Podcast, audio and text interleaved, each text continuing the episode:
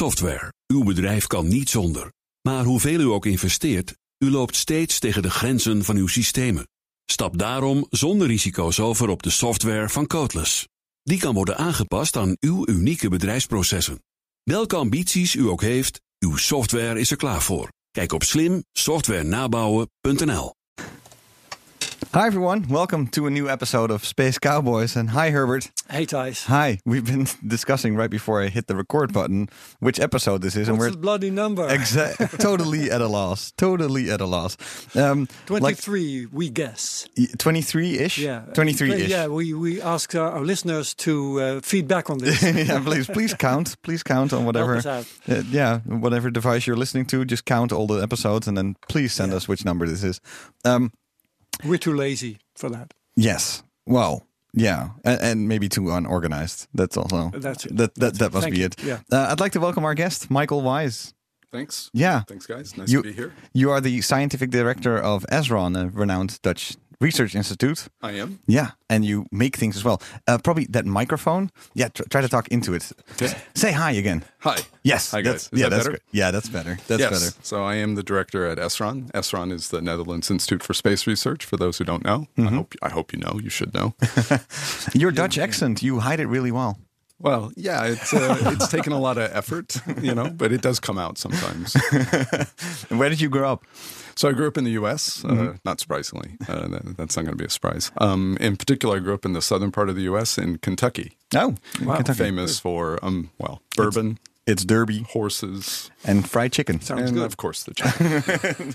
Uh, I've been to Kentucky once. oh yeah, The only thing I did was I went to a KFC, and it's still the only time I ever in my life went to a KFC. yeah. So I I, I went to a Kentucky Fried Chicken in Kentucky. Okay, congratulations. Yeah, thank you. Of course, you really all you have to do is go to the Dom. You know, you don't. Yeah, I know. do I, mean, I live literally like hundred meters from a Kentucky Fried Chicken, but still, I I, I, Well, I, I, cherish that there moment. are many more interesting things to do in Kentucky. Oh, than, like? uh, than well, you could see uh, horses if you like those. It's very beautiful. Uh, you know, in terms of the landscape. I remember that. It was It's, very um, beautiful. Uh, not that I don't like flat. Then you know, the Netherlands is beautiful in it, in its uh, its flatness, but uh, the the sort of rolling hills and, and, and landscape in Kentucky is very beautiful. Yeah. very Sounds good to me. Very Yeah. beautiful agricultural kind of kind of state. Anything astronomy wise going on in Kentucky? Um, well, yeah, of course there there are astronomers there, and the, univer- the uni- there's several of the universities. University of Kentucky in Lexington, uh, for example, has a really really good department. But um, there's you know lots of things going on around the world that that kind of drew me away. Yeah. Uh, and when I was growing up, there were a lot less, uh, I think, opportunities to study astronomy. Oh, yeah? uh, study there. Yeah. So, And so, how did you come to Holland? And by the way, I, I I have to say this now: you are the husband of Sera Markoff that we I am. on our show earlier. I, I am. Yeah. yeah, Busted. yeah, busted. Yeah, um, she is in the episode about the, the black hole picture. I can uh, highly recommend that I put a episode link as in well. the show notes. Yeah, link in the show, so show it'll notes. be easy. So, you are an American couple We are. that made two astronomers That's right. that made it to the Netherlands. Yeah, no, it's a it's a bit of a random walk. How did I? How did we? How did we end up in the Netherlands? You know, is uh, uh, fortune uh, at some level. You know, uh, we got lucky. We, uh, I mean, we met while we were, and you know, uh, got together while we were still in the U.S. We were actually both uh, living in Boston at the time and working for MIT. Sera was doing a postdoc there, uh, uh, and I was uh, on the staff at the uh, Chandra uh, Science Center. Chandra is an X-ray uh, satellite that was built and launched by NASA. Mhm. Is it I- still operational? It is. It is. In fact, it's celebrating. It'll be celebrating its twentieth operational year Oh wow! in December, Beautiful. which Yeah. is amazing. Yeah, really. it. Uh, Yeah. You know, space is not always the most forgiving environment, No. and this thing has been up there and doing excellent science for twenty years. I can't believe the endurance of so many uh, space Well, probes. It doesn't happen by accident, but we'll probably come Yeah. back to that. Yeah. Yeah, yeah, yeah. Start, start bragging about our institute, but but so I was working on. Uh, I had come to MIT to work on Chandra. Uh, that was when it was still sort of in pieces in the lab, and you know during the uh, testing and assembly, and ultimately the launch. Um, uh, you know, I was I was working on the project. So we we met in Boston, and. Uh, uh, started dating and that, that everything was going great and uh, after a couple of years Sera's postdoc was coming to an end so we started looking for what would come next. And you know, we obviously wanted to do that together, and so we started looking around the world.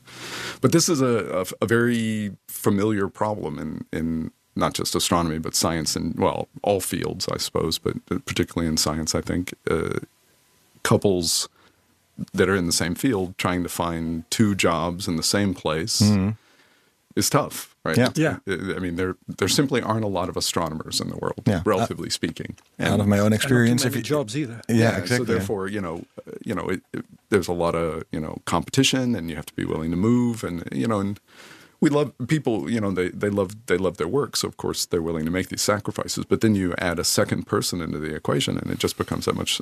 So you know, we started looking, knowing that it was you know tough, and uh, we were lucky in the sense that we had a couple of options in the end for that that were good for both of us because that was the criteria. It had to be good for both of us. But the this was the best option. and what was what was this option? well, so Sera Sera had uh, been offered a position at the University of Amsterdam, and uh, as an U- UDE at the time. Now, of course, she's a, a professor. and uh, I was offered an opportunity to join the LOFAR project, and I think you talked about LOFAR. LOFAR was a radio telescope Yeah. that that, uh, that was well, it's an international project, but it was led, you know, by the Netherlands. by- yeah, by and what does it do again for those who don't know? So LOFAR is a low frequency radio interferometer, and so it essentially uh, synthesizes a, a a giant telescope, a telescope basically the size of Europe, by combining the signals from uh, a bunch of smaller receivers and antennas that are distributed all over Europe. There's a, many of them are located. The core of the array is located in the north, in, in Drenthe, uh, uh, not actually far from the headquarters of Astron, uh, which is our other sister institute to, to Yeah. Astron, and um, and the other stations are, yeah, all over Europe. all over Europe, and then you combine the signals together. You And then throw a bunch of algorithms at it. they're and then, connected by the internet, by high speed uh, high speed internet, and those signals are collected, you know, uh, uh, in Groningen actually, Mm-hmm. and the signals are combined and to effectively synthesize a telescope that, that that's essentially the size of Europe. Yeah, and so th- so first you worked on X-ray uh, issues, uh, so to speak. Yeah, no, so and, and it- then on radio. Yeah, so Yeah. I, it's a bit of a bit of like, as I say, it's a bit of a random walk. It, Mm-hmm. uh, I was indeed I was working on Chandra, which was an X-ray telescope, and Before you go on, can I can I give you a fun fact, both of you? Yeah. Yes, Because please. I, I found this. I started googling a bit when LOFAR came around um, in this conversation, and I found um, a uh, broadcast that I did on the 9th of June 2005 Oh wow. on LOFAR. that was Oh, really? that Uh, was yeah. just before I came to the Netherlands. Oh, yeah? Sera and I I had- moved to the right. Netherlands in January of 2006. Oh, I had yeah. two guests from Astron in this very building. Oh yeah. Who Yeah. do you remember who it was? Eh, well, I don't, but their names are here in the blog post. Eugène de Geus I remember Eugene, and Marco course. de Vos. and Marco de Vos. Yeah, Marco Right de Vos there. is the managing director of Astron. Marco was actually one of the uh, the people that that hired me. You know, brought me Okay. over to join the project. I'm going to try and put this um, in reach of our listeners Yeah. somehow. Okay. I'm not sure if I can do that uh, today, yeah. We'll uh, see. the day of, of, of this recording, but I'll uh, I'll see what I can do. Oh, thanks, Okay. Herbert. And so, how long Sorry were you for the there at LOFAR? interruption. Yeah, no worries. How how long were you there in LOFAR? So I at was uh, so I came, I joined uh, Astron in 2006, and I was there for 12 years. Up- 12 up- years. up until January when I took this job. yeah, because you're new at uh, at In the SRON. Netherlands, Yeah, sorry, no, you're you're new at SRON. Yeah, no, I, yeah. sta- I started as the director at uh, at Astron in January. and are you the first non-Dutch I, I director? believe I am. Uh, you you asked me about this the other day. I, Yeah. I I believe I am, which of course means that if I uh, mess things up, then that'll be the obvious, that'll be the obvious explanation. What made know. them hire you?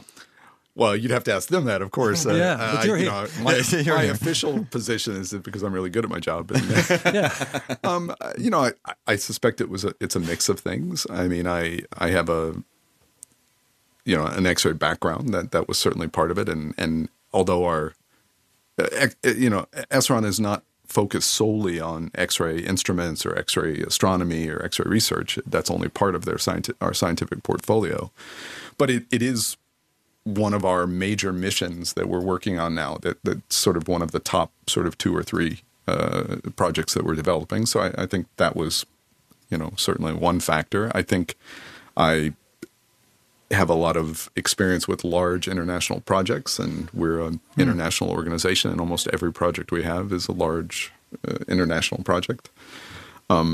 ESA only, or is it No, all over no, the globe? no, no, not ESA only. We, I mean, ESA is, I suppose you'd say, our, our core business, um, and and it, most of our largest pro- largest projects are ESA, uh, you know, ESA projects. One one of the fundamental reasons we have an institute like SRON in the Netherlands is in order to be a part, a contributing member, ESA, you know, in the ESA contributing member state, we need a national footprint or or landing point or you know a persistent entity, if you will, to implement the program because these ESA programs run for decades. right? You can't have a place that pops up and it's there for a couple of years and then falls over. You need a persistent uh, persistent entity, and you need a persistent entity with the technical and scientific capabilities to, to actually contribute to the missions. Mm-hmm. So that that's part of why we have Yeah. a So how, how would you describe the goal of SRON? Well, I can tell you what the mission statement is. Uh, it, it's one of it, one of those, you know. Is it clear? Is it does that Well, I'll clear try to I'll try to make it clear, and you can tell me if it's clear. I mean, uh-huh. uh, simply put, you know, SRON's mission is to enable scientific research from space by building world-leading instruments and using them, Beautiful. And and and also making the make it making it possible for the community to use them. I mean, Okay. we are to make them accessible? i- i- well, yeah, exactly. A good I mean, manual and all that. I mean, we. I like to say we're a service organization. I mean, which and I, there's no shame in that. I mean, part of the reason we exist is to make sure that the the Dutch community, well, and the international community, but we are a national institute, so mm-hmm. I, I don't think we, have, we Dutch ta- taxpayers pay for yeah, I don't the think. institute. I mean, yeah. I, there's no, nationalism isn't always a good thing, but and that little national pride is fine, right? Mm-hmm. And so we're here to make sure that the Dutch community can do the science, the important science, the groundbreaking, world-leading science that they want to do, and we do that by taking part in the missions that align with those science goals, and we build the instruments. We work together to come up with the instruments that we need to build in order to do the science that we want to do. So it starts with the science. It Yeah. always starts with the science. with a question, I would assume. yeah, and those questions change. I mean, mm-hmm. hopefully, you know, you answer some questions, which means you then, you know, we just saw a black hole. Okay, that's great. Everybody's really excited. But now that we've seen the black hole, there's a million questions about Yeah. What are we seeing and you know what you know what are we not seeing and what instruments do we need to take the next step. Yeah. That conversation is just always going on. Mm-hmm. And our job is to be a part of that conversation with the rest of the community. It's like, what should we be doing? What should we be doing? But it's always driven by science. So, so what sort of just uh, we're, actually we have a bunch of stories of, of the week that we can talk about. I was just about to but um, but but bring that up. yeah, exactly. But uh, uh, the, the first, uh, what sort of just so that we have a, a clear sense of what SRON does and Yeah. what your work is. So, what are some of the instruments that you're working on right now that are noteworthy? God, we have a, a very big portfolio. We don't uh, we don't um, we don't have the same we don't have try to have the same sort of role in all missions. In some missions, we're we're leading them. You know, we're like actually taking the lead. In others, we have a sort of smaller contributing role. Um, I think our our sort of big ticket items these days uh, are there's a, a satellite uh, project, uh, ESA project called Athena, which is we mentioned Chandra a few minutes ago, um, and there's a also a, another X-ray. There's actually lot of X-ray instruments in, in orbit at the moment, but um, uh, uh, Chandra was built uh, was a NASA-led project, and the equivalent ESA project at the time was called XMM Newton. I won't go into the details of the, the differences between the, the two telescopes, but those were both launched more or less at the same time. And they're both up in orbit still and functioning and doing great science. That's 20 years. Athena is the next, what comes next. It's, you know, if I were to go into the details of the technical capabilities of those, those two satellites, Athena has been designed to take another step. And Bigger, better, bigger, better, stronger.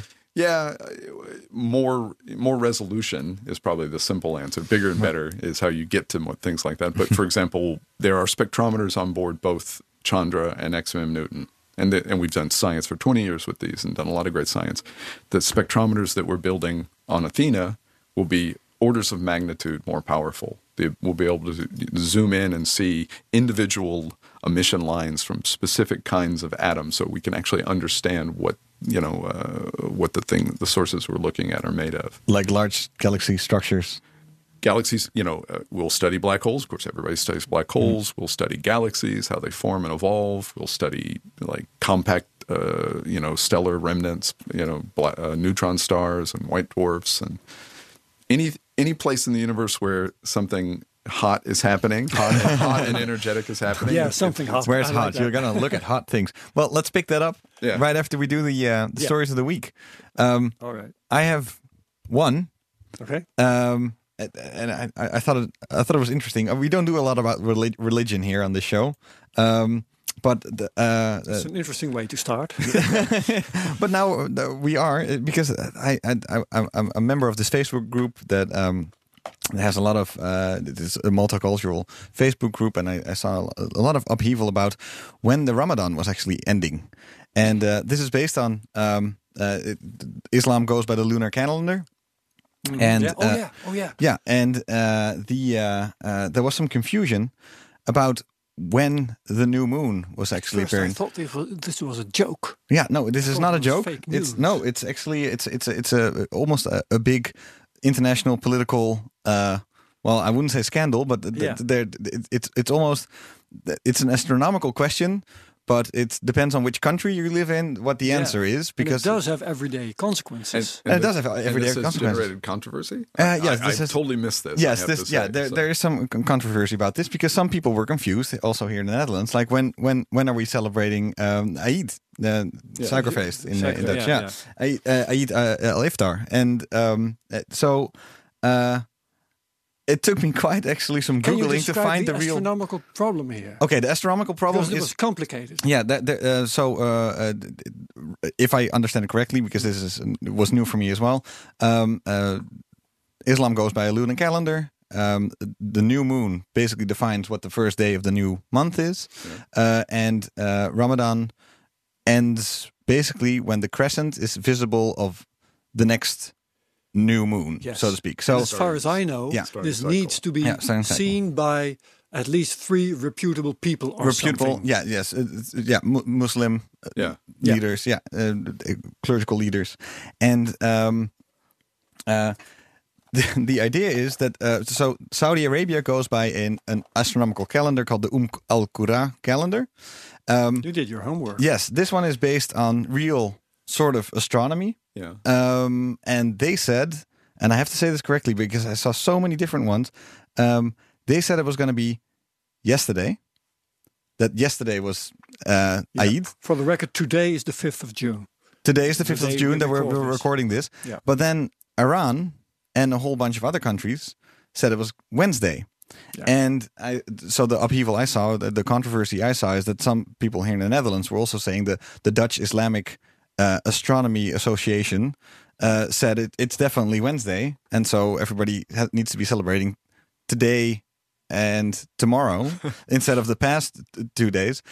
And what I, what I thought was interesting is I, I saw a bunch of perspectives on this where a lot of people were sort of hating on the Saudis, Yeah. like oh the Saudis are wrong. But when if, if I dive further into it, and this link will be in the show notes, I found a uh, a site from the University of Utrecht um, where they explain it all, and they're really saying that that the Saudis are doing this right. Yeah. So, uh, and it's all about yeah, and so it's all about who sees that first crescent, and that's that that is sort of the official moment. But there is an astronomical. anybody see it at all? Because it had something to do with um, this um, crescent Oh. only being visible at some remote location in the Pacific. or Exactly. something. There was right now. Yeah, on, on, on this first day that you mentioned. So that On- on would, the would be Tuesday. Tuesday. yeah. There was only one Yeah. small island where you could actually see it, That's And only on. Wednesday So, I, I have to say, I'm completely divorced. As a professional astronomer, I am ashamed, I'm ashamed to say I'm completely divorced from the lunar cycle. I have literally no idea what the, what the What current is, yeah. what the current state of the. cares? It's, it's the right here. moon. here. I can show you a picture. It's it's, it's like a very thin crescent right now. Well, if so it wasn't cloudy, we could look. yeah, at it. exactly. It's rainy and cloudy here But right now. so. um, but I I I knew I assumed it was Eid because people started. I saw people starting to wish each other. You know. uh, Yeah, you exactly. know, So uh, on Tuesday. If I would be a Muslim, I would just party for one extra day. That's that. That would be. That would be. I'll. I'll take it all. I'll take it all. But was this solved in any way, or is it just Not like really. You can have one opinion or the other. Yeah, it, it's basically na- so now it's national Islamic organizations that are basically saying which whichever route to follow, what day you should, Yeah. yeah, celebrate. Yeah, one choosing one and the other choosing the other. yeah, exactly, and and also div- being divided in sort of two blocks, and it and it seems that this controversy has always been there, This but is only the recent. schisms occur, right? Yeah, and but then only recently it's become out of out in the open and an actual issue. So it's I, yeah. I really feel like this one's out of my purview, guys. Yeah, Because, the- uh, you know, the same for me. I am not an Islamic the- scholar the whatsoever. Idea that you um, that this distinction, you know, should come down to some fundamental scientific underlying scientific truth is a bit arbitrary, right? well, yeah, yeah, yeah, exactly. But, but I, I actually it comes down. That's not for me to decide. Right? I Exactly. mean, your religion can hang its uh, traditions on whatever you know, whatever one chooses. I mean, East in, in Christi- comes down Christianity, what, it's what is Easter. the definition in, I suppose, the Quran or something. Yeah. And well, does that lead to the recognition of Tuesday being the day, or does that lead to the?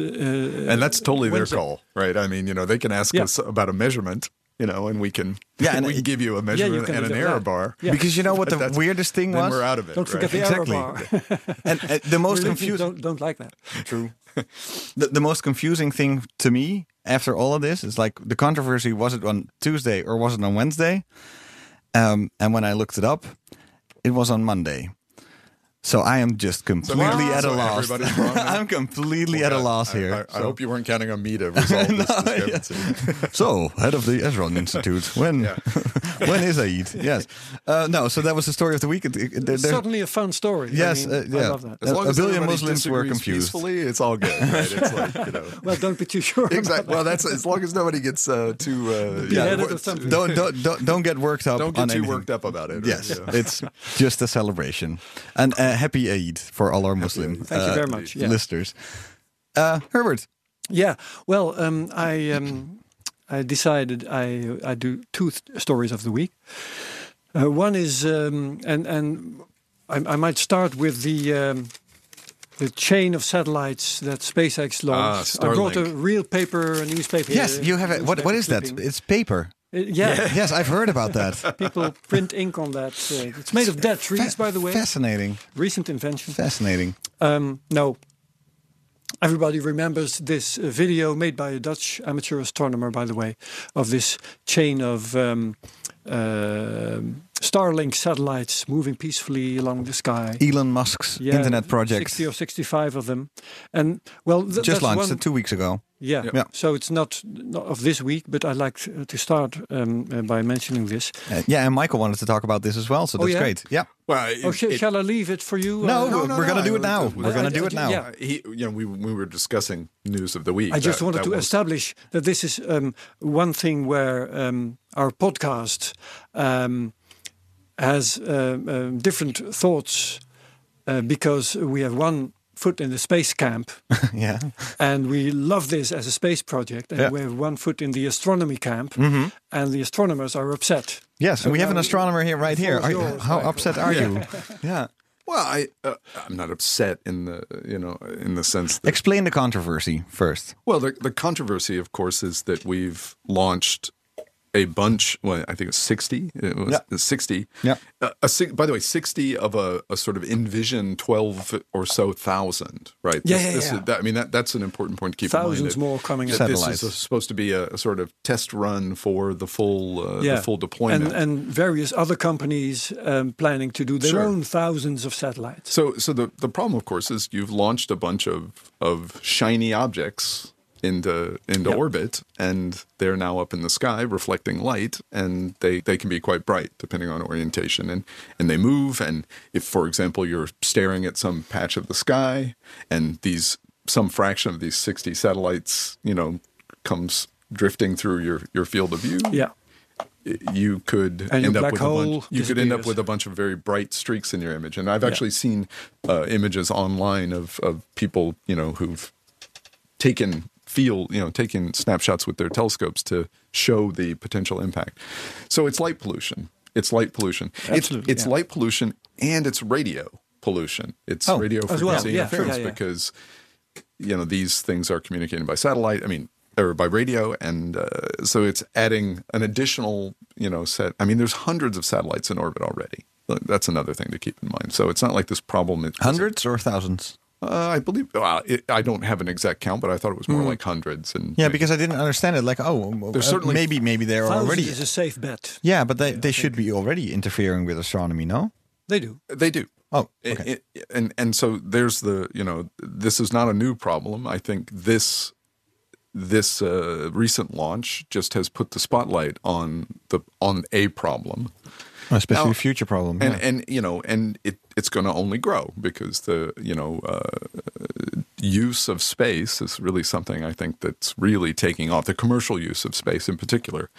Um, uh, for a long time, space was the the sort of sole province of of agencies and governments. Right, they were the only ones who could afford it. Well, I mean, I think we're past that. Right? I saw a bunch of students launch a rocket. Exactly. Yeah. And you know, and that's all great, right? I, I mean, the the things that we can do. I mean, the the idea behind Elon Musk's you know uh, uh, Starlink project is great. Global internet, right? I mean, so it, it's not that these these use uh, uses of space aren't aren't attractive, but it's like any other nat- natural resource. It has to be protected and managed and used responsibly. So I I don't think I mean the uproar uh, is uh, appropriate in the sense that it calls out that there is no in fact no regulatory No.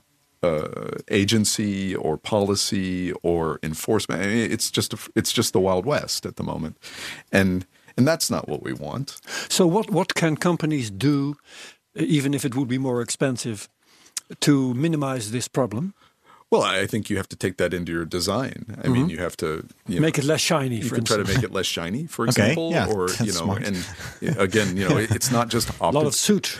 It's not just optical, uh, you know, uh, uh, light that that's a possible source of, of pollution. It's also radio frequency interference. Yeah. So I think we we already spend a lot of effort trying to manage the frequency spectrum so that we protect certain areas for for research for radio astronomy.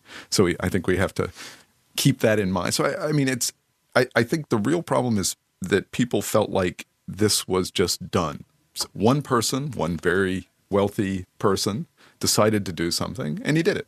Yeah. Yeah. And, and it, you know, there was no no him. no there was no way to check or or there was no apparent thought. before- And and, and it was think- the FCC, I think, that approved it, right? well, Which is also kind of strange. the FCC, you know, that's a that's a U.S. regulatory body, Yeah, yeah. You know, for one thing. Yeah. But, but yeah, so there, there's another problem, Yeah. right?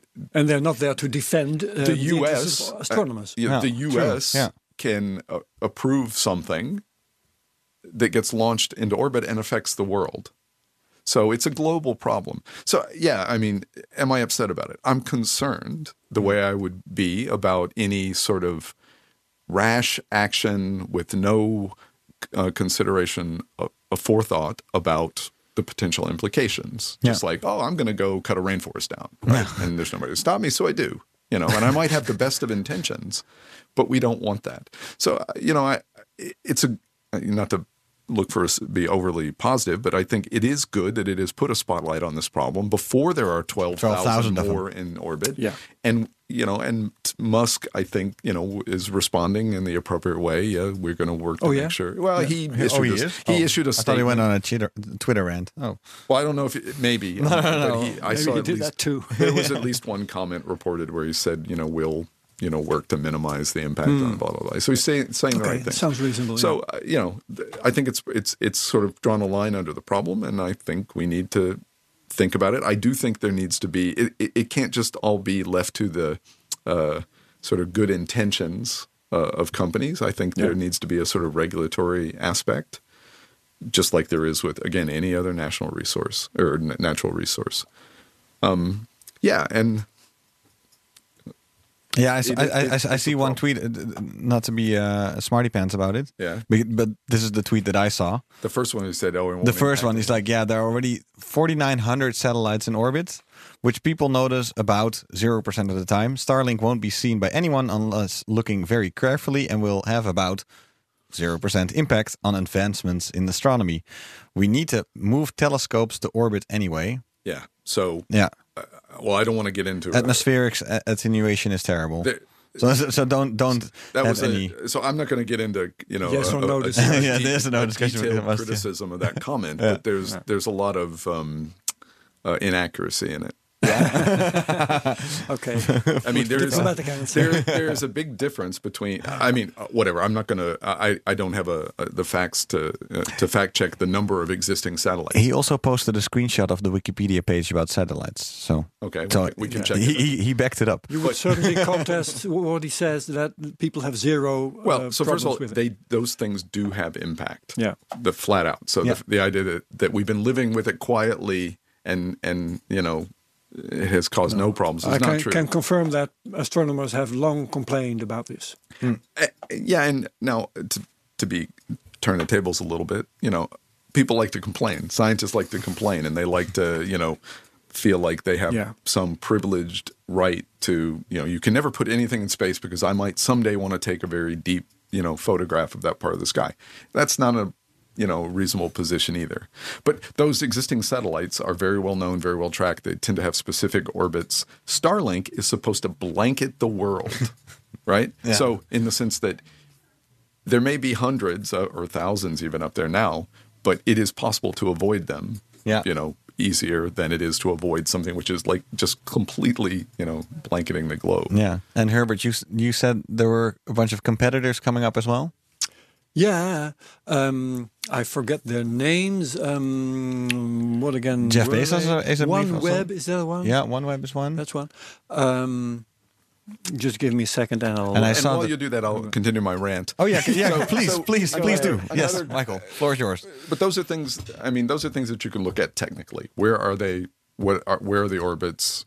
Uh, You know, how can we avoid them? You know, that that's working cooperatively. Uh, You know, I, I I do think a global blanketing sort of approach with the Starlink satellites could be problematic. It's hard to avoid something. There's always some set of them in your field of view, no matter where you're looking. But the other comment in that tweet that I that I really think uh, didn't didn't involve a lot of thought before he said it was the idea that you should just move everything to space. Yeah, that's not true. Well, it's not true, and and you know it would be incredibly expensive, right? There's lots of i- if you look at all the, I mean, I I build space telescopes, and I'd love to, you know, you know, stay in in business. You know, I, I don't, you know, I don't think we're going out of business. but something like LOFAR that you just explained, c- you, Well, you- would hardly you be able to move, it. You could you could move all these things to space, but the cost would be incredible, May I say astronomical? astronomical. You know, boom, boom. Yeah. So yeah, that's that's silly. Yeah. It's not going to happen. Yeah. Uh, you know, it, it's already you know. Uh, uh, we, we, astronomy is a very well-funded, uh, you know, uh, field of research. I can't really complain. I mean, Mm-hmm. the number, of, and we always have more ambition, and we want to build the next great thing. But there are a lot of facilities, you know, uh, dedicated to astronomical research, and that's great. Yeah. That, again, that shows that the it, you know the community, you know, uh, you know appreciates it right? and and values it, and it, it supports this kind of work. But you know, the amount of investment that's gone into those facilities to suddenly put it all in space it would just not be affordable by anybody. So it's just it's not it's a it's a crazy unrealistic statement. Unless he's going to fund it. I mean, the guy's got a lot of money. Yeah, but crazy and unrealistic. That's that's a good that's a good diplomatic summary. So I have some names now. okay, yeah. Um, uh, indeed, Starlink. Indeed, uh, OneWeb, and there's also Amazon. Yeah. of course. Um, they call it Project Kuiper. Did you know Project that? Kuiper. Oh, Yeah. no, no, after the Dutch. Three astronomer. thousand two hundred thirty-six satellites envisioned. um, and there are a couple more. There's Iridium Certus, Okay. and that's most of them, I guess, unless you would count Blue Origin separately. But I do think that uh, probably that overlaps with Amazon. Yeah. Wow. Jeff Bezos be, being the, dir- uh, director, CEO of both. Yeah, so, I a- mean, and we I- recently had Chris Verhoeven on who was talking about Athena swarm robotics. there. I'm Yeah. not sure if they are still. Uh, So in the yeah, I mean, again, I'm I'm not I'm not advocating that that we somehow like you know forbid you know this kind of development development in space. Uh, Not at all. I think I, I- my own institute has you know interest in small scale satellites, small sats and CubeSats that that, that we're interested in developing and working on. That would be small but plentiful, probably. Well, I mean, for we're we're not going to launch a swarm, uh, you know, as a, a single institute. But but my point is, we're perfectly prepared to contribute to the problem, you know, just like everybody else. I just think it's possible to do this in a considered, coordinated, and and reasonable way. Could we do could we do all astronomy from the moon? Uh, it would be expensive, I guess. All astronomy. Well, Well, you know, I mean- something like LOFAR or like a radio telescope from, Yeah, the, from the absolutely. moon. You can Yeah. absolutely put a radio telescope on the moon. Yeah. And there's uh, you you won't be surprised that if you if there's a crazy idea for a, for a new facility or a new telescope or a new observatory, there's somebody out there who's, like, who's- "Yeah." we should totally do that. No, and the, the idea of building a, a radio telescope on the moon has definitely already already been discussed. Oh, okay. In fact, we're already discussing sort of next steps to not go right to the moon, but um, I mean, this recent announcement by NASA that that uh, the U.S. is going back to the moon quite sooner than we thought is is still fairly new. But even before that announcement, there were already discussions about sort of uh, Pathfinder mission step, you know, to go from what we have now to uh, near Earth things in near Earth orbit, and, and, you know, build out to something more grandiose, like an actual LOFAR on the moon. Yeah. But yeah, that's great. It's, But to be fair, it would be nice to be able to do some astronomy from Earth, right? Oh, yes. yes, from your backyard.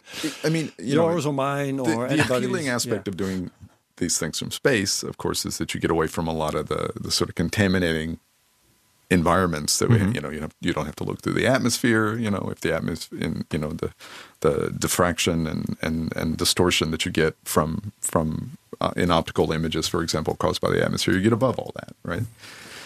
But then, if you think about the, the the more sort of practical logistical problems, you know, how do you maintain an observatory? You know, how do you service an observatory? How do Yeah. you get the data back from the observatory? That's not such an issue for optical telescopes, but LOFAR. I know you guys talked about LOFAR, the data volumes and the challenges of dealing with those data rates and those, you know, when it, when the thing is yeah. on another planet, You need a, da- you need a data center on you the can't moon. just see you can't just Yeah. send you know a guy up there with a toolkit to like swap a hard drive you know so uh, everything gets harder And I think space. Michael is taking a reasonable position by saying we're not asking everybody to keep out of space. Mm-hmm. Um, so, um, on the other hand, you can't. Uh, Elon Musk can't tell astronomers to um, move their stuff from Earth. Yeah. yeah because exactly. There- he need, he's going to need space for his own purposes. Yeah, exactly. You know? yeah It, it, like you said, it's a natural resource that- Exactly. that we It need to share. Yeah. yeah, yeah, yeah. yeah. Like the rainforest. Um, Shall we go move on? with the- sure, sure, sure. We're, we're about 35 minutes been into the show, yeah. but it's uh, the, the, we're the Still- second story of the the week. first item. It's all right. we're not on a schedule mind. No, we're not No, on a no. schedule. No. It's okay. No. So, um, what I was trying to get to uh, by uh, bringing this up Oh, yeah. this You, were actually making a point. Yeah. is the following: We have um, I, I found on Space.com this um, this news item on tiny chipsets. Okay. Uh, I'm reading the headline here: Cracker-size probes phone home for from orbit. Cracker sized. Cracker-size probes. A cra- So like a cracker. This is That's about cracker-size satellites, right? that's a new one for me i mean i've heard of nanosats of course Yeah, maybe this Cracker- cracker picosats. Pico which of course makes no sense because nano implies you know nanometer which is you Yeah, know, also, a yeah. cracker's quite a few nanometers in yeah, that's so. true. That's true. I, you know, I'm not going to criticize I have somebody's this- this marketing, picture. you know, whatever. Does it look like a cracker? This picture of one of those chipsets, and it's just an electronic print Yeah, yeah. It's it's like a with an antenna. what's the name of those small uh, uh like an Arduino set or a Yeah, uh, yeah, it looks wow. like that. And it's um, they. It turns out they launched uh, 100. Sorry, Michael, uh, 105 of those Oh lord, add them to the list. in um, uh, in uh, March, and it took them some time to verify that they were all working and all, Yeah. but they did. And uh, so now this has been declared a success. And they're going to do more of it because it's um, interesting and fun and But it, it, this, useful. this, is this a technology? I mean, they did this as a sort of technology demonstration to show that they yes, could make them. And satellites they could survive can be on this orbit. small It doesn't. and they can do stuff. But That's- what that's stuff the- do they? Oh, yeah, that's why I guess. Yeah, I was what- what asking. did- was it- did- I saw an was it- antenna. was it designed to actually do something? Um, Perform an let me experiment? see. Or Or just give be- a, a Sputnik like uh, bleep. Well, Yeah, I, can, well- I, can, I can always Google it myself, of course. yeah, and, but but I'll I'll put this uh, this um, article in in the show notes. No, I, Um, I think the the small satellite I, th- I think it's been a, a proof really- of concept. really taking off, and I, I think it's kind of personally exciting because Yeah. For you guys as well. Yeah, well, for everybody. Mm-hmm. I, I mean, so one of the cool things about like working on an ESA mission like Athena, like I was saying, is that it, it really is that sort of next step in terms of capability. You know, people will be able to take data and measure, make measurements uh, that have never been possible before. Yeah. But to make that tech, that step technologically requires a decade or more, decades in some cases, and billions of euros in some cases. I mean, I, Yeah. I don't know what the final price tag uh, for Athena will be, but it will be on the order of a billion euros. But, but Yeah. on the other hand, Okay. this kind of uh, developments, like these uh, chipsets, um, will make launching something a lot cheaper. Exactly. And you And- can uh, imagine very well that one of those chipsets, uh, or, or maybe 1,000 of them, Yeah. will have sensors for some kind of radiation. No, exactly. That, and any- and well, that's and that's what's really exciting. I mean, the the idea we get so focused on the, the these big flagship kind of missions Yeah. that there's sometimes the uh, perception or misperception that that this is where the only science that that's what you need to do science. Yeah. But the truth is, a lot of science can be done with smaller smaller instruments, different instruments, custom built, you know, special, you know, specially designed for a specific experiment. Yeah. And and yeah, and these these things are within the reach. I mean, it takes it takes Europe to launch Athena, right? This is something that Mm-hmm. A univer- student can do. A student can do, Yeah. or a university can university, fund, or yeah. or, or Yeah, yeah. an inst- a single national institute could say, yeah, we've got this very exciting but well-defined science question that we want to ask, and we're going to build this very specific instrument that is not designed Yeah. to do everything for everybody, but just to do this And it can hitch a ride on and, a, on a and we can get it lau- we can get Yeah. it built and we can get it launched and we can do it for a couple of million euros, which of course is still a lot of money, but it's within the reach of a and and you can do it on the timescale of a couple of years, so you don't have to wait decades. So I I mean, there's so many reasons why the the small satellite platform is interesting from a research perspective, but also at an institutional uh, and and, Yeah. and sort of industrial uh, uh, perspective as well. Yeah. And would you do you have any programs right now actually that involve these CubeSats or small small satellites? Uh, no, And- but we are discussing several possibilities. Or also maybe changing existing projects to see if if if a small satellite would actually also do the job? Is that would that be something that's on I- your I mean, radar? so for example, one one project that, that that's being discussed is uh, a, a- a sort of low frequency, a sort of LOFAR like Mm-hmm. uh, low frequency radio experiment in orbit. oh yeah. and uh, this ac- this actually coming out of it's being led by Astron, um, and uh, there was a um, recent uh, technology demonstration, you know, uh, of this this capability on the the Chinese Chang'e four mission to the moon. Oh, yeah? the NCLE mission. Maybe you, I don't know if you heard about it. I heard about the the Chinese mission to the moon, but the other one was So there's a, the NCLE, which stands for the Netherlands Chinese Low Frequency Explorer, I believe. Uh, it's led by Radboud University in collaboration with Astron. Astron, not Astron. And they basically deployed on the Chang'e four Chinese lander. They deployed a, a low frequency radio antenna to show Yeah. that to show that it was possible to, Yeah. to deploy these kind of uh, antennas and, and and take this kind of data, and also just to see what the radiation environment was like. And uh, again, it, it wasn't intended to be like um, uh, only about the science. It was to show that the technology could could work. So Yeah. you could then take. The, I mean, you never jump right to the the end. You have to do these kind of you know developmental uh, developmental steps. Yeah, I got, I got a more specific question when Yeah. it actually comes to these radio telescopes. What, what, what can you, uh, besides black holes, what can you study with them? Radio with radio telescopes. Yeah. What, what are the thing, the objects that we really need to know more about that we can study with Well, radio? the, yeah, the truth is, that's an interesting question in a way because you could ask the same thing about you know, X-rays. know. I, I, I know just from research for this, it's a Yeah. the large galaxy structures, the, the largest objects Well, in the so universe. the simple, the, the, the glib answer is that you can study just about anything in radio Mm-hmm. because uh, from planets to stars to our sun to lar- galaxies and black holes and large scale structure in the universe, they're all in very in different ways, you know, potentially sources of radio emission. Yeah. Low frequency. Um, cosmology, Yeah. everything, uh, everything from cosmology to to lightning in our atmosphere or the Sure. And know. then you need them for all frequencies. and, uh, and yeah, so that, but that's that, that's a very broad stroke Okay, answer because radio astronomy encompasses quite a bit. Yeah. right? you know, um, you know, low low frequency in particular is is uh, better for certain kinds of of studies, and, I actually the ones I mentioned are all pretty uh, pretty strong science cases for low frequency. Cosmology, looking for uh, uh, signals from neutral hydrogen from the earliest phases uh, of the formation of the universe. Those signals tend to appear at, at very low radio frequencies. So LOFAR, one of the driving science cases for LOFAR was to look for that signal in these low in, th- at these low frequencies. Because in in this case, with these small satellites, you could make a, a radio telescope that's the size of the Earth, and look maybe for the lowest frequencies. So Yeah, so the the size, uh, the the size and the frequency are are uh, not necessarily related. Correlated? Oh, right? okay. I mean, um, the size the size of a telescope uh, is usually about either sensitivity, or I mean, if it's you know if, if you imagine a, a traditional sort of radio dish, right, Mm-hmm. a bigger dish is more sen- can be more sensitive because it has more collecting area. But the the, phys- the physical size for an interferometer is related to the scale of the the, the feature that you want to actually resolve, the, the fine detail in your image that you're trying to achieve, and yeah, so it just depends on what you're trying to do. For a cosmology experiment like like LOFAR was originally one of the, the reasons that LOFAR was designed the way it was. It, it wasn't trying to resolve a very fine structure.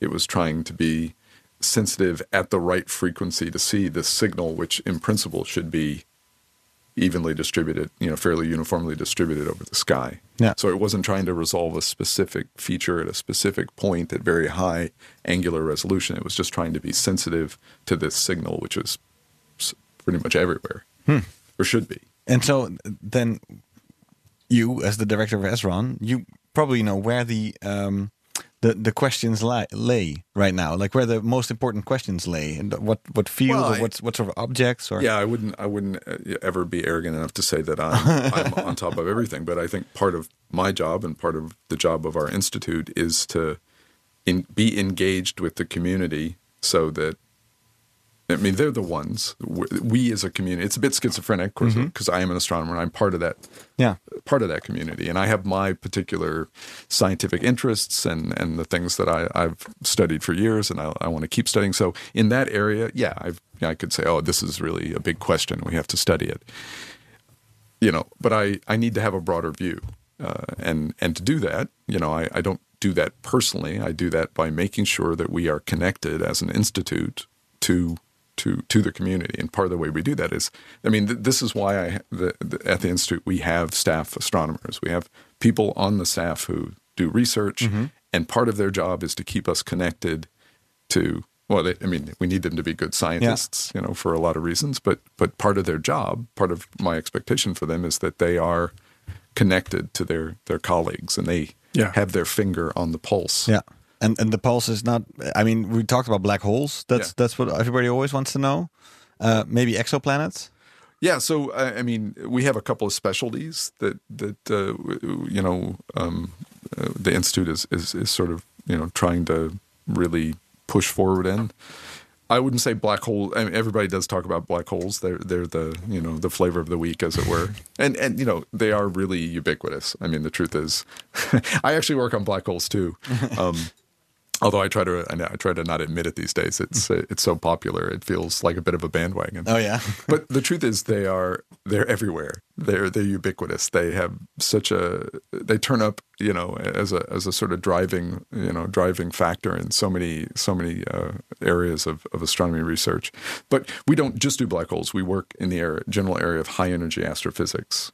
Now that The hot stuff, like the you hot said, stuff. yeah. that's why that's why the ex, you know the Supernovas. supernova Hot you know, stars. uh, hot stars exactly the inside of large galaxies. Yep, the the hot gas in in, ga- in the in the spaces between galaxies, clusters of galaxies, large all that large scale structure. Hot stuff in the spaces between galaxies. Yeah, so There's hot stuff So you in have between galaxies? galaxies. Yeah. and of course, their galaxies are made up of a lot of different stuff, but dark matter, which we don't really know what it is, but We call it dark matter. we call it dark matter because we don't know know what else to call it. Yeah. Uh, there's stars, of course, you can see those, and then there's gas and dust and, and other sort of particles that are distributed in between. I mean, you know, when you look at the the spiral arms of a spiral galaxy, you're seeing the stars, but you're also seeing gas and dust that are between the stars. Now, if Yeah. you zoom out another another level, galaxies are often, you know. Uh, grouped together in groups or, or clusters of galaxies from tens to hundreds in some cases. And, and those clusters of galaxies are gravitationally bound as well. And the space between the galaxies uh, is we've found is filled with very hot, diffuse, X-ray emitting plasma. Oh.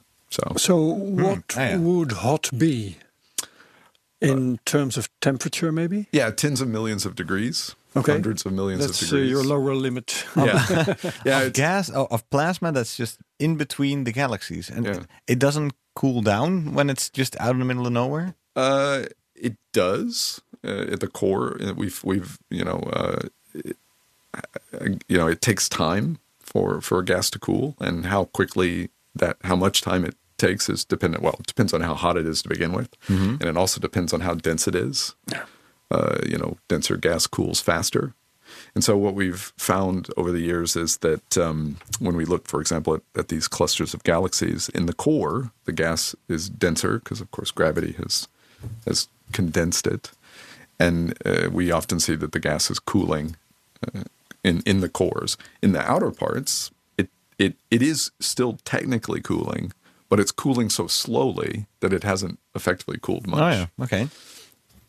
Be- Because it's in a, It's kind of in a a vacuum. Yeah, it's kind of a paradox. Yeah, yeah. because it's in a vacuum. Intuitively, you uh, would think that. Well, it just it so it it cools uh, well it cools by various physical processes, but uh, you know the it it um, the time scale. Uh, the time scale just for, for, for something for the gas to actually cool to lose energy. I mean that's what cooling is. The energy is radiated away in the form Yeah. of an X-ray photon, or Yeah. is dependent upon the the the um, the the the timescale for collision with other with other particles. And if the gas is very thin, very diffuse, the timescale for that in those collisions becomes very long. yeah. I am. So if you wait long enough, it'll cool. but I mean, if if the, if the if the if you do that calculation, oh, the gas is this hot and this dense, therefore the time scale for it to lose all of its energy by cooling is is, is longer than the age of the You- universe. yeah, exactly. Oh, yeah. it, then it, it's cooling, but it, it'll never cool. You know. Enough for us to even notice. Yeah. I'd So- like to talk. So, yeah, well, yeah. okay. yeah. So Herbert. All right. Um, a well, shallow dive into the physics of what- uh, Yeah, exactly. yeah, galaxy yeah, clusters. yeah, exactly. one thing I, I would like to talk about. You mentioned a few times the timescale of these astronomy projects, Mhm. Yeah. uh, decades. Decades. And um, well, I looked it up for one. Um, Athena, for instance, Mm-hmm.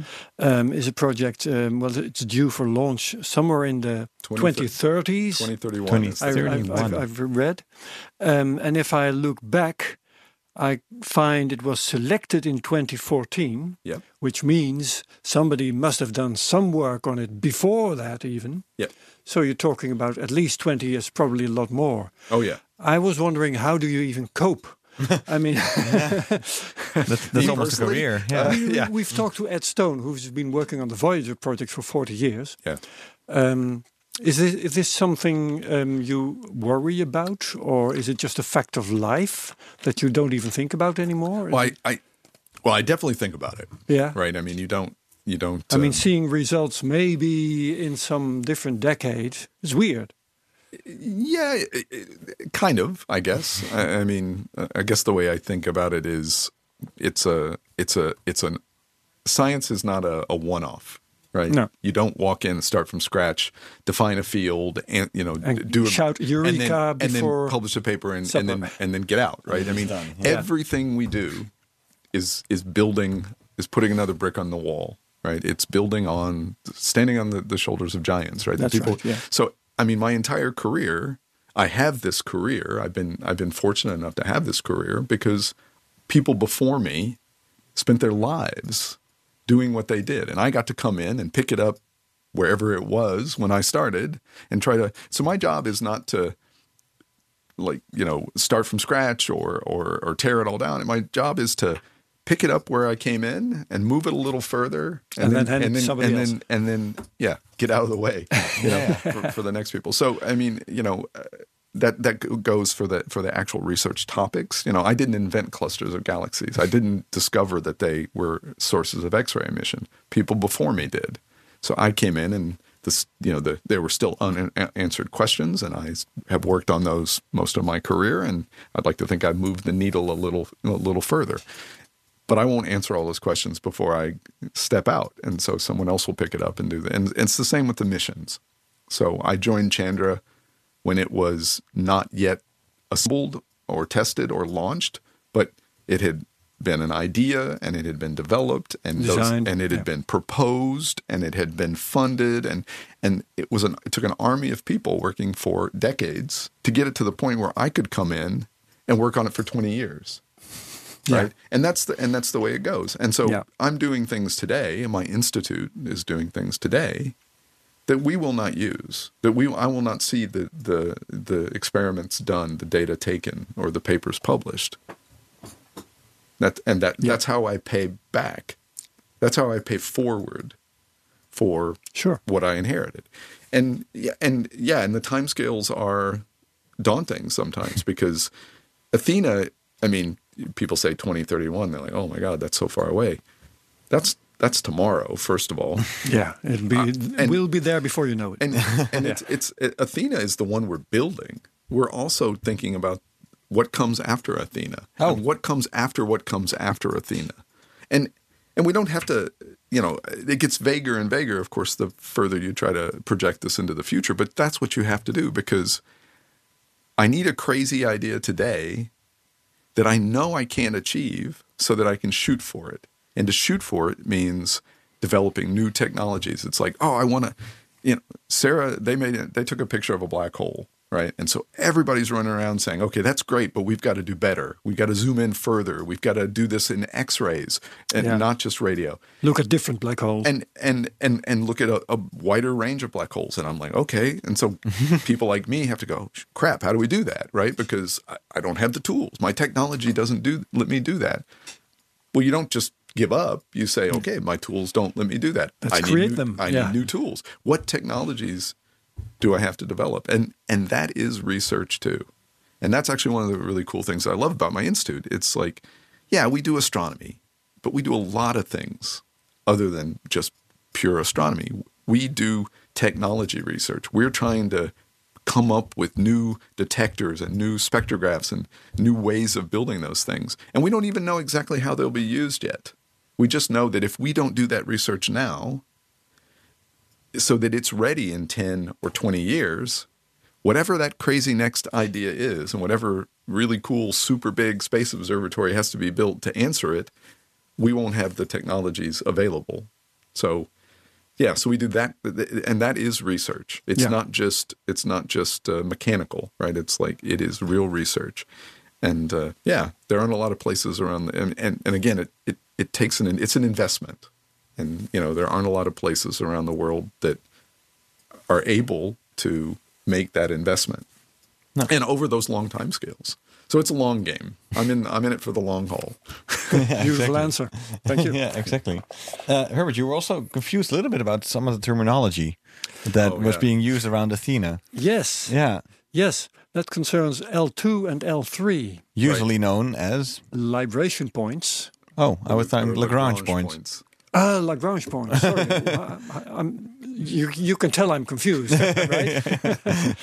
but not. It wasn't. you say only- libation and i think about drinks Yeah, yeah, yeah.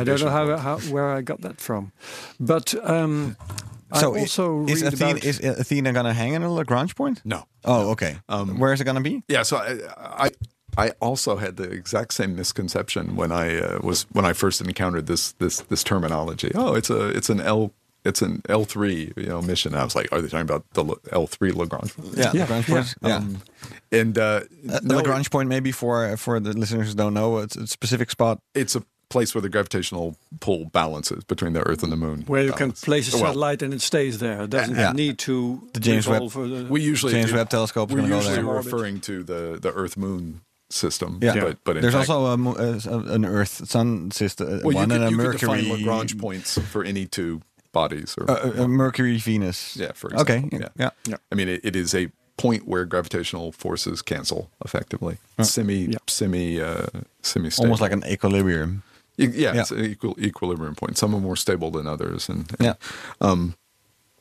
uh, yeah, no, but so the the L class, the L two, L three uh, nomenclature uh, is is ESA's designation, and it, it's much simpler th- than you think. It literally just stands for large.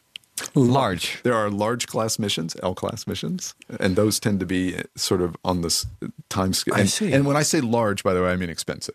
Oh yeah, interesting. Because last Terms week with uh, Jonathan Lunine um, from Yes. uh, Cornell University, we sort of talked about a similar sort of thing, Yeah. where there's Discovery class missions uh, and New Frontier class missions in uh, Yeah, at, the- at NASA, which, which basically not only about, it's only not only about ambition but also about money. And this Right. is sort of the same thing Exactly. with ESA. Yeah. So, wh- which um, ones do you have? So uh, ESA has a designation L for large, and it, that those are missions that tend to be on the scale of about a billion euros, Okay. sometimes more. So Hopefully but less, What, but- Did, did you what know then any? means the two or three that you can add to it? Oh, so uh, th- basically, ESA likes to to to plan uh, its its program for a, you know a decade, a couple of decades, you know, um, and so you know uh, the current program that we're in was planned quite a while ago, and there was an L one mission, and, and there'll be an L two, and there'll be an L three. And then Athena is a L two, I believe. L two. And, And- and how many L3. how many billions of Oh, I, euros are we talking about? well, about a billion. About a I billion. I don't know. Oh, the- so it's still an L. It's about one billion. Yeah. And then you get d- different iterations of the same program. I get. I get and, it and now. then there'll be an L three, which a, Yeah. a mission, which is called Lisa, and th- and th- that's the, the the current length of this program. We are actually uh, currently in a, um, a cycle where we're discussing what comes after the current, uh, you know, uh, ESA program. So there Uh, will be future L class missions. the laser infer interferometer space antenna. Laser interferometer space antenna. Yep. Lisa. Yeah. What is that? It's a gravitational wave detector in space. What? Yeah, is that cool? Yeah, it's, but- it's an interferometer. We've been talking about interferometers. They Yeah. keep, keep coming up. Yeah. you know, you can do interferometry uh, not just with radio uh, waves, but also with optical or But so these gravitational waves that we detected, uh, we humans, um, I didn't do anything. Uh, uh, they were basically uh, were sensors all over the, the globe. yeah, and then they could detect these gravitational waves that sort of went through the Earth uh, with a little bit of a time difference, and that's how they could see it.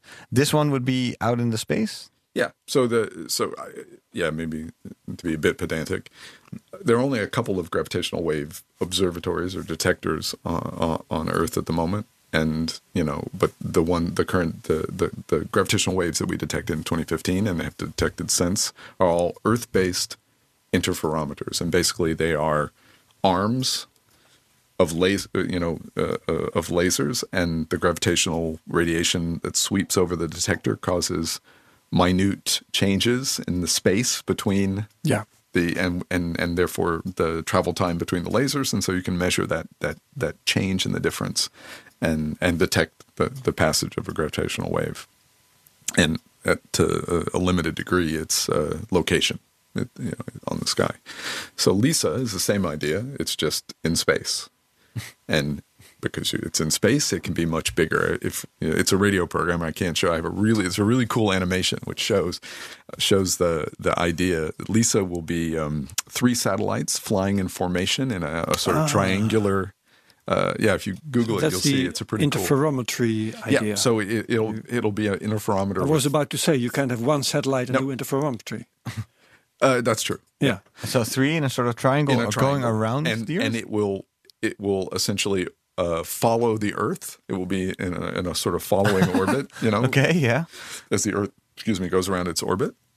I forget exactly, uh, but it's quite it's going to be quite large. So it will be much larger than the the what- scale of the, the the gravitational wave detectors that we have on Earth, and therefore it'll be sensitive to different uh, um, uh, uh, uh, spatial scales. Yeah. And, well, So not just two neutron stars colliding. I believe that was one of the things. Two black holes colliding. What was it again? The the, the first one that was detected. Two Uh, black believe- holes or yeah. two neutron stars colliding, something like that. the the ground based stuff so far has mostly been uh, uh, two um, uh, two black holes merging, Merging, and, yeah. neutron stars. Yeah, and so with this one, you could maybe detect other types of Di- things that also. so the idea is to be able to probe a, a, wider range of mass, ma- the mass of these objects that Yeah. are that are that are coalescing and producing. a and when gravitational is wave. Lisa supposed to go up? 2034? Thirty-four. Okay. Something. Long time scale. Yeah, a long time ago. But something sounds close as well. Like, oh, So- okay. And and my institute is also hoping to uh, you know contribute technology to to to Lisa as well. you would do the some of the instruments maybe, or some of the. yeah, I mean, we're still working out exactly what uh, what the contribution you know could be. Uh, Is it always a scientific instrument, or can it also be something for navigation or something like that? yeah, that so SRON would- does. That's one of the satellites. That's the right video. Yeah, Let's see if I can get that one in the uh, yeah. show There's a notes. there's a really neat animation uh, online that that shows the the sort And of. And that's not this one. I don't another know. one. Well, Well- that, that is one of the the, the three Lisa satellites. What A big see? sorry to our listeners. we, we haven't got this in the Well, studio it- computer It's right definitely now. online, folks. So you, you yeah, can, go, yeah, you yeah, can yeah. Google it. Okay, we'll put up something at least. Yeah. Yeah, no. So we don't. Uh, we do lots of. Again, we sometimes we we make you know entire instruments, Mm-hmm. and sometimes we make components or smaller you know parts of a, of an instrument. So, uh, for example, for Lisa, we might build just the electronics that, that are part of an instrument. Mm-hmm. So uh, you know we we can we can do different things. And you literally, I mean, SRON itself literally builds it. Your engineers do it. We literally build A- things. And what happens to the technology if it's so specific for a um, uh, for, for a mission? Yeah. I can imagine that you know, like so many other technologies that come from space uh, exploration. Um, but Yeah, what well, happens? Are, a- are you trying per- to apply them in the real world, so to speak? Well, that, so the, the the individual things we build are are are you know built to purpose, right? They're they're one offs. Mm-hmm. Yeah. know, we don't we don't churn them out of you know. Oh, I figured out how to make this. I'll now make a thousand. Yeah, you know, no, yeah. first of all, they tend to be kind of expensive. But the the technologies that we develop. The different kinds of detectors that we've built, for example, they get re- that technology gets reused. Mm-hmm. So we might build a detector using that technology, a specific detector with specific size and specific capabilities that are tuned to that instrument and that mission and that scientific question. And then, you know, the next year we might take that same technology but build a different uh, application Yeah. of it. So the technologies that we develop often get reused, but the, the instruments we build are, are specific For- and specific. custom built. But if you make new techno- technology, since you're a- you're you're you're not a governmental institute, but you do get funded through the government. uh, Um, do Dutch taxpayers then own that technology, or how does that how does so that work? yeah no so it's that's a good question actually so uh, a big part of our job is to to try to i hate i hate the word but i you know i, I approve of the idea of valorize hmm. these things. So if we figure out a new technology that lets us do our science and build our, our you know our instruments if that technology can then be Sold. adapted. Well, we don't sell it, no, Excuse but I mean, if it can be taken up by industry and Yeah. turned into something useful, uh, you know, you know, products that The freshness of French fries at McDonald's. But but valorization is kind of an euphemism for selling, isn't it?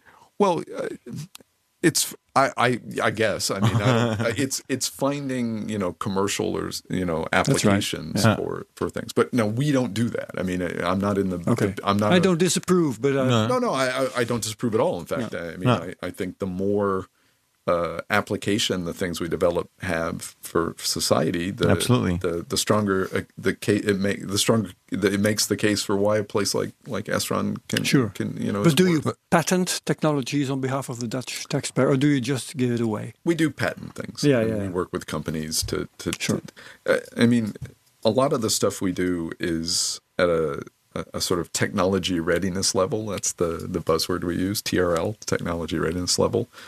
That that isn't ready for for industry, and and so often what we do is we develop an innovation, and then we work with a company who will come in and take it that next step. Any example that you could mention? Um, yeah, nothing comes to mind, um, but then maybe that's probably because I'm new. yeah, I should, exactly. I should, I should, All right. I should have some of those. But it so but it, but it does does happen. oh then. yeah, absolutely. Yeah. It's- yeah. it totally happens. And so hopefully, uh, well, and, and so then it makes money for the uh, for SRON itself, for the institute itself. no, No, No, no, no. We we don't. We we are entirely funded by um, grants, Okay. Go- governmental funding and Yeah. Mm-hmm. national funding, taxpayer money, and external grants that we that we raise ourselves. But we are not. We don't turn a profit. That's Yeah. not what we're about.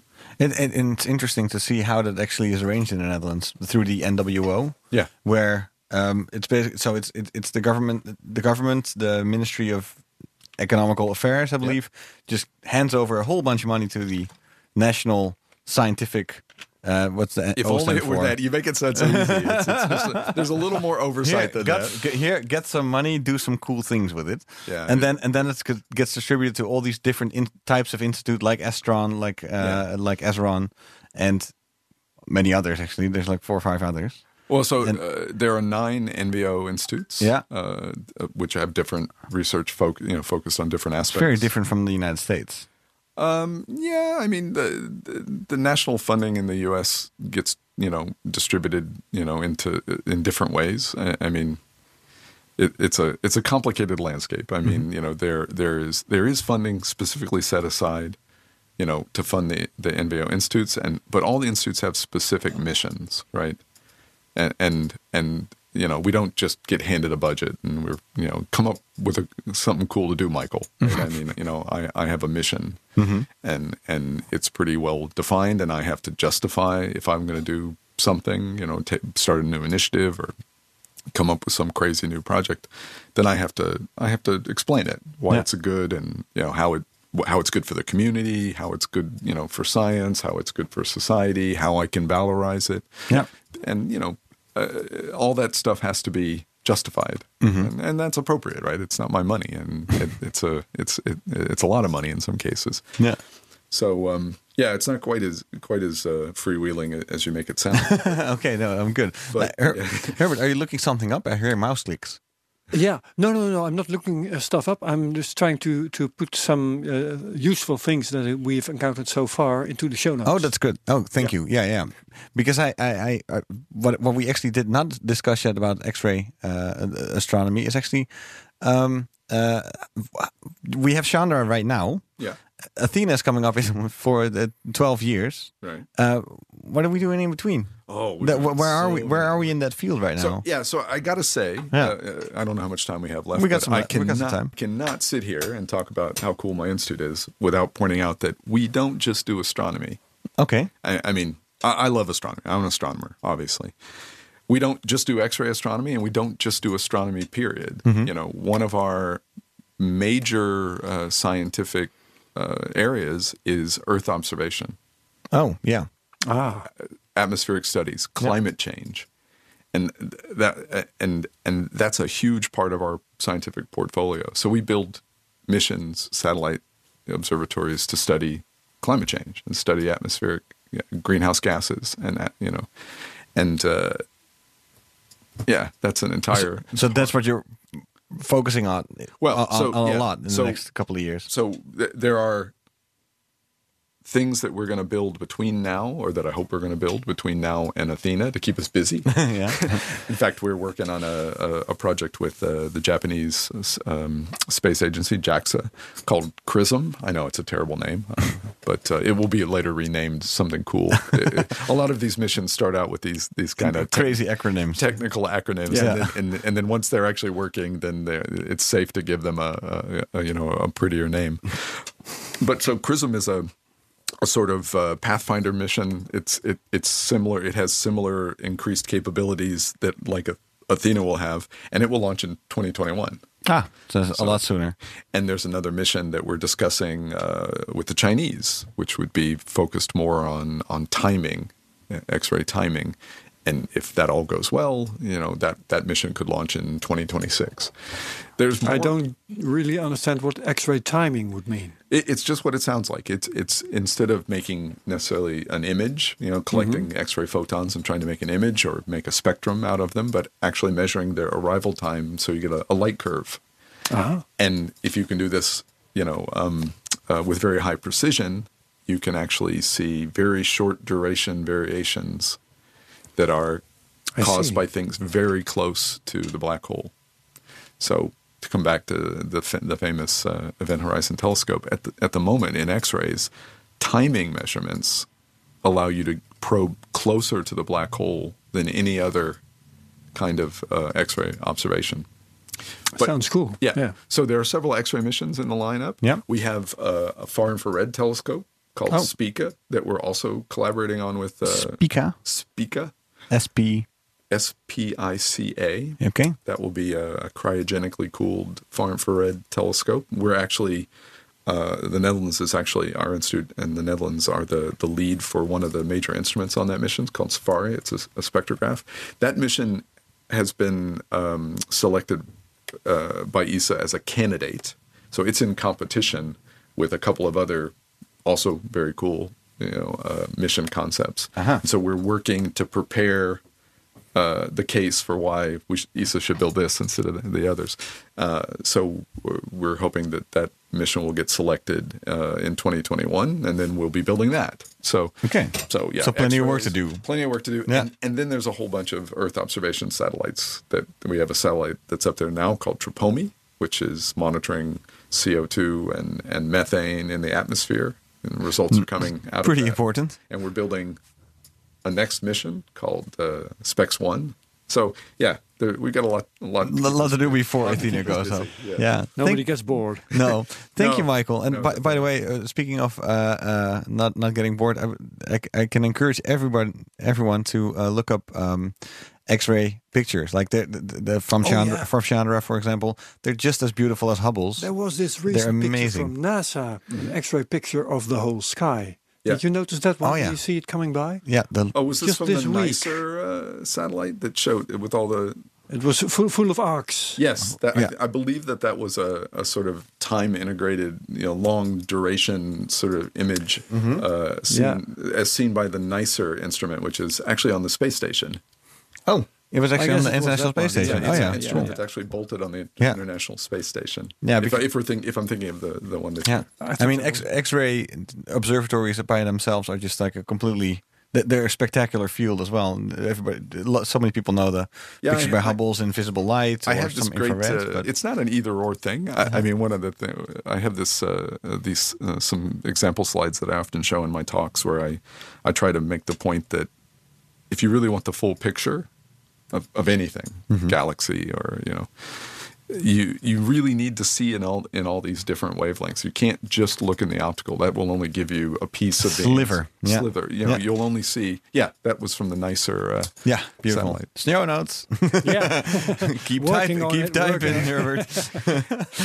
and and and it's amazing how different the picture can be of a galaxy, for example. If you look in the X-rays and then you look in the far infrared Yeah. and then you look in the optical. There's a couple of these famous nebulas that they that Yeah. they shoot in all in all wavelengths. so it's, it's beautiful. It's really, uh, and you know, I, again, we've got our favorites and we've got our specialties, and and my institute's got the things we're working on. But I think it's important to have that that sort of spectrum of of tools of observatories available Yeah. so that we can get that whole. That's why we always need radio telescopes and we always need optical telescopes and we always need far infrared. If you really want to see it all, you have to have this this sort of array of instruments available, or or you miss part of it. well, that's that's a good way to end the show. I That we, guess. ne- we, we, we need it all. Click and it's online. Yeah.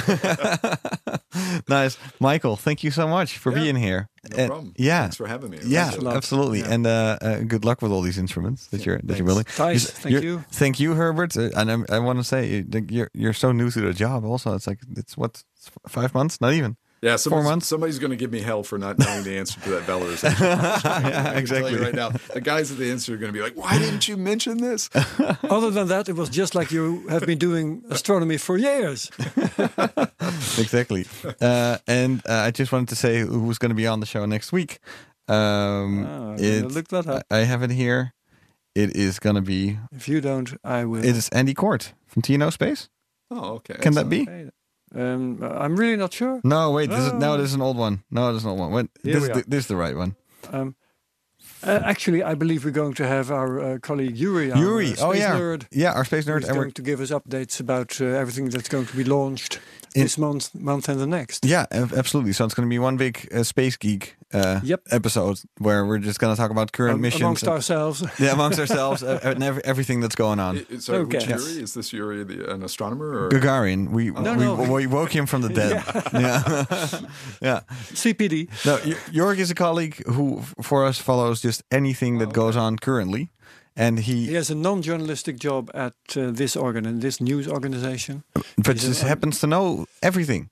Excellent. It's it's crazy. my kind of guy. Yeah, yeah, so yeah, it's uh it's kind of amazing. He always he, he knows when anything is launching from anywhere, especially from the other side of the planet where it's pretty hard to get a, a, a grip on uh, yeah on, on Yeah. what's happening in Asia, and he always knows. So Interesting. we're just using him. but of course, he can't tell you what his sources are. That would I, be I journa- that, that, that, yes, he would dis- he would disappear within a week. Michael Herbert and our you. listeners, Right. thank you all. Thank Alright. you all. Geen enkele ondernemer wil zich laten tegenhouden door software. U bent ambitieus en wilt groeien. Codeless vernieuwt, bouwt en onderhoudt software die altijd perfect aansluit op uw unieke bedrijfsprocessen. Zodat u de beste software heeft voor uw bedrijf en ambities. Nu, morgen en over 30 jaar. Kijk op slimsoftwarenabouwen.nl